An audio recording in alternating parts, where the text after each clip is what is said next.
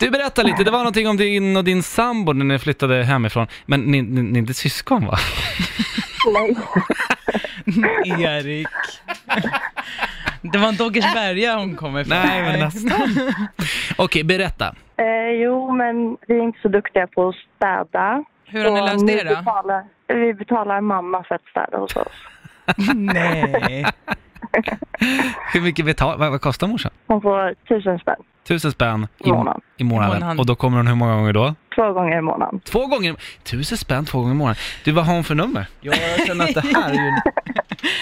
Nej. Alltså, men alltså, ja. men alltså är inte det lite pinsamt? Så här, Är inte det att hon ska hitta någonting som hon inte ska hitta? Nej, Nej, jag har inget sånt hemma.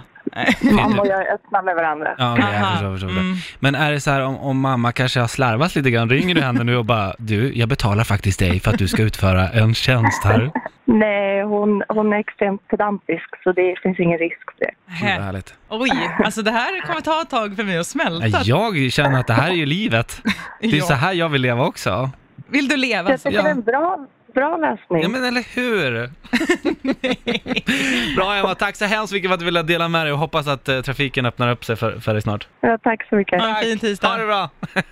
Fantastiskt.